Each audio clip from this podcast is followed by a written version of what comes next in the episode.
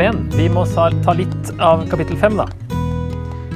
Vi kan ta den her i fellesskap når han i 12 til 19 setter opp Adam og Kristus i to kolonner.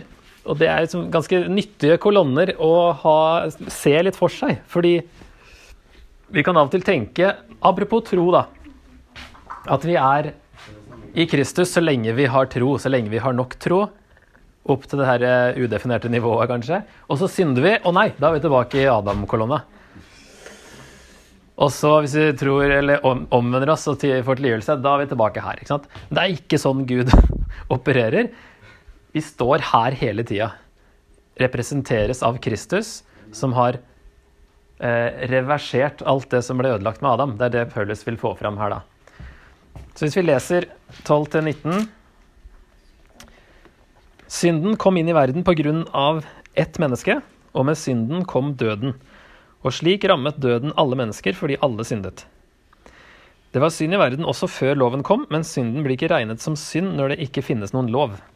Likevel hersket døden fra Adam til Moses også over dem som ikke hadde begått noe lovbrudd, slik som Adam.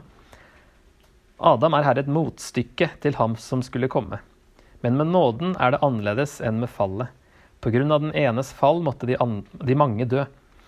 Men nåden, Guds gave, er noe uendelig mye større. Den gis i overflod til de mange på grunn av nåden fra det ene mennesket, Jesus Kristus. Og gav, med gaven er det annerledes enn med den enes synd. For dommen over den ene førte til fordømmelse, men nåden mot de mange førte til frifinnelse, enda mange hadde falt. Døden fikk herredømme av ett menneskes fall. Hvor mye mer skal da ikke de som tar imot Guds store nåde og rettferdighetens gave, eie livet og få herredømme ved den ene, Jesus Kristus.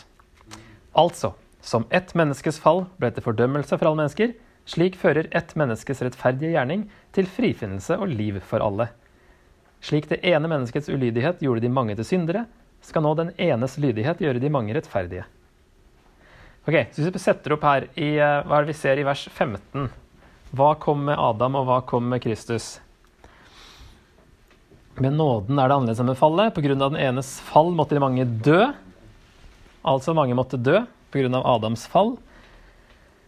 Men nåden, Guds gave, er noe uendelig mye større. Den gis i overflod til de mange pga. nåden fra det ene mennesket.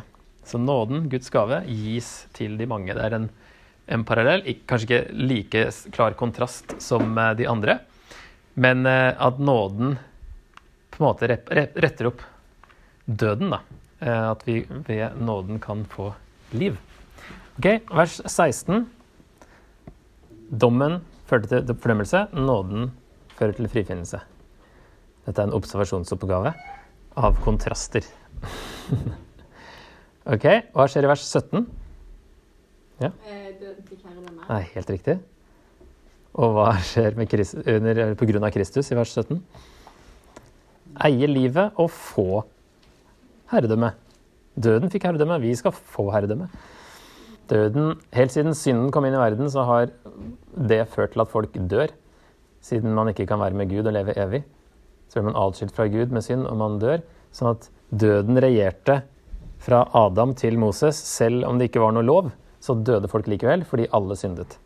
Det er når Guds rike kommer at vi er en del av det. Da kan man kanskje kalle det for å få herredømme, at vi blir med i Guds rike.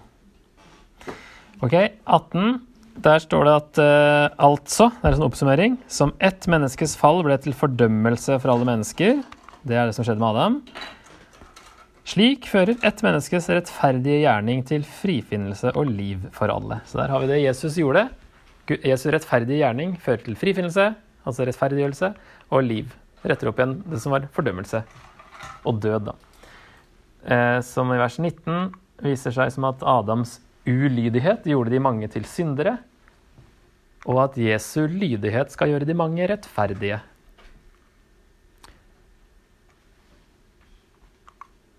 Og synden hersket gjennom døden, ja, i vers 21, og nåden skal herske gjennom rettferdigheten og gir evig liv. Så vi representeres av en av de her uansett.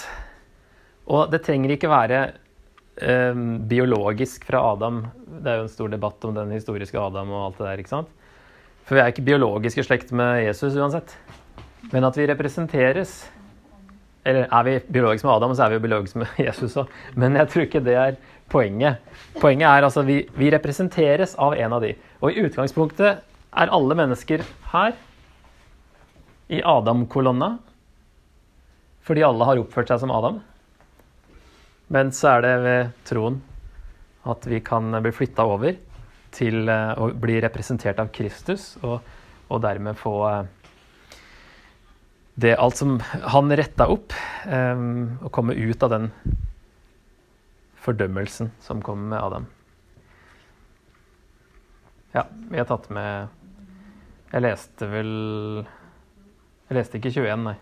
For slik som synden hersket gjennom døden, skal nåden herske gjennom rettferdigheten og gi evig liv ved Jesus Kristus, vår Herre. Så det Paulus vil få fram, er jo det her. Um, alt Jesus har retta opp. Snakker om den første Adam og den siste Adam også, i første Korinterbrev. Her gjør han vel ikke det, tror jeg. Men han setter likevel opp Adam er her et motstykke til ham som skulle komme. Det er en sånn en sammenheng. Jeg har litt om arvesynd på noen slides her, så jeg vet ikke om det er interessant å ta. Litt bakgrunn, historisk bakgrunn først. da. Det var at En som het Pelagius på 300-400-tallet, han eh, mente at Adam bare påvirket menneskeheten med å være et dårlig eksempel. Mens Augustin mente at synden ble overført fysisk. Så Augustin er liksom uh, hjernen bak arvesynslæren. Um, det har vært den katolske kirkes lære siden år 418. Og så ser vi også i den såkalte augsburgske bekjennelse fra 1530, altså etter reformasjonen, som er et av de bekjennelsesskriftene til uh, alt som er luthersk i Norge. uh, så står det da at uh, vi tror ved det som er utelatt, da sikkert, at alle mennesker som er forplantet på naturlig vis etter Adams fall blir født med synd, dvs. Si uten frykt for Gud, uten tillit til Gud og med begjær, og at denne arvelige sykdom og brist virkelig er synd, som fordømmer og også nå fører med seg den evige død for dem som ikke blir gjenfødt ved dåpen og Den hellige ånd. Eh, dette her er jo Vestkirken, den romerske katolske kirke, og som da eh, Luther òg var en del av, som protestantene på en måte er mer knytta til i opposisjon da, mot katolikkene enn Østkirken, de ortodokse. Der eh, var det døden mer enn synden som ble sett på som arven fra Adam. Og de utviklet aldri en arvesynslære i samme grad som Vestkirken med Augustin. Så det er ikke sånn at alle, det her er hele verden, alle kristne, men det er eh, først og fremst fra Augustin. da. Um, opphavet er litt grammatisk, tror jeg. fordi altså, Her står det jo på norsk da, og all, eh, Slik rammet døden alle mennesker fordi alle syndet. Eh, her får du litt gresk, hvis dere vil ha det. FH, som egentlig er en forkortelse av EPH, som bokstavelig betyr 'på grunn av hva'. Altså Forstås jo som 'fordi', da. Altså fall, altså, Likevel forstått som 'fordi' av de fleste greske kirkefedre, som i 2. Korinter 5,4, der det er oversatt med 'for', og i Filipperne 3,12, der det er oversatt med 'fordi' på norsk. Så det var betydningen 'fordi', selv om det sto liksom Det er to ord som, eh, som eh, Det er ikke det vanlige ordet for 'fordi'. Eh, så man tenker at det derfor fungerer som en konjunksjon i betydningen fra hvilket det følger, eller med det resultat at, eller fordi. Altså slik rammet døden alle mennesker med det resultat at alle syndet. Eller fra hvilket det følger at alle syndet. Eller fordi alle syndet. Augustin brukte den latinske oversettelsen, som heter vulgata. Og der står det in quo på latin for disse to ordene. Det betyr jo egentlig 'i hvor', som da kan oversettes 'der alle syndet'. Og der har han nok eh, faktisk med en litt grammatisk eh, bakgrunn utviklet arvesynslæren at alle syndet i Adam. Der alle syndet. Så det, det, er noe grammatisk bak her som gjør at Augustin utviklet denne læren mer enn noen andre. da. Og at det aldri har vært noe i Østkirken, det er jo interessant. Så det var liksom eh, litt mye detaljer kanskje akkurat her, men at litt interessant i hvert fall å se forskjellen der. Og at det uttrykket betyr for de andre steder, tydeligvis da i Bibelen. Så for å forstå eh, dette her vi prøver, da. Er det Adams synd pluss vår synd på en eller annen måte? Problemer med det er jo at Paulus forklarer ikke hvordan synden blir overført. Det er det som har diskutert. ikke sant? Er det fysisk, eller er det ikke? Og hvordan er Adams synd årsak til alles fordømmelse, som han sa i vers 18 og 19, samtidig som at alle dør fordi de synder på egen hånd, som han sier i vers 12? Hvis vi går ut fra at oversettelsen her er riktig, da. Synden kom inn i verden pga. ett menneske, og med synden kom også døden. Og slik rammet døden alle mennesker fordi alle syndet. Så det er liksom begge, det er både Adam som har skylda, og vi som har skylda. Virker det som i det Paulus skriver. Alle synder. Han sier ikke det fordi Adam syndet på vegne av oss alle, eller fordi vi alle var født med en syndig natur. Fordi alle synder, sier han. Det henger jo selvfølgelig, eller kan i hvert fall henge sammen. Men det er ikke helt tydelig da, hos Paulus hvordan hvert fall dette blir overført. Så det er forslagene A. At vi har en syndig natur.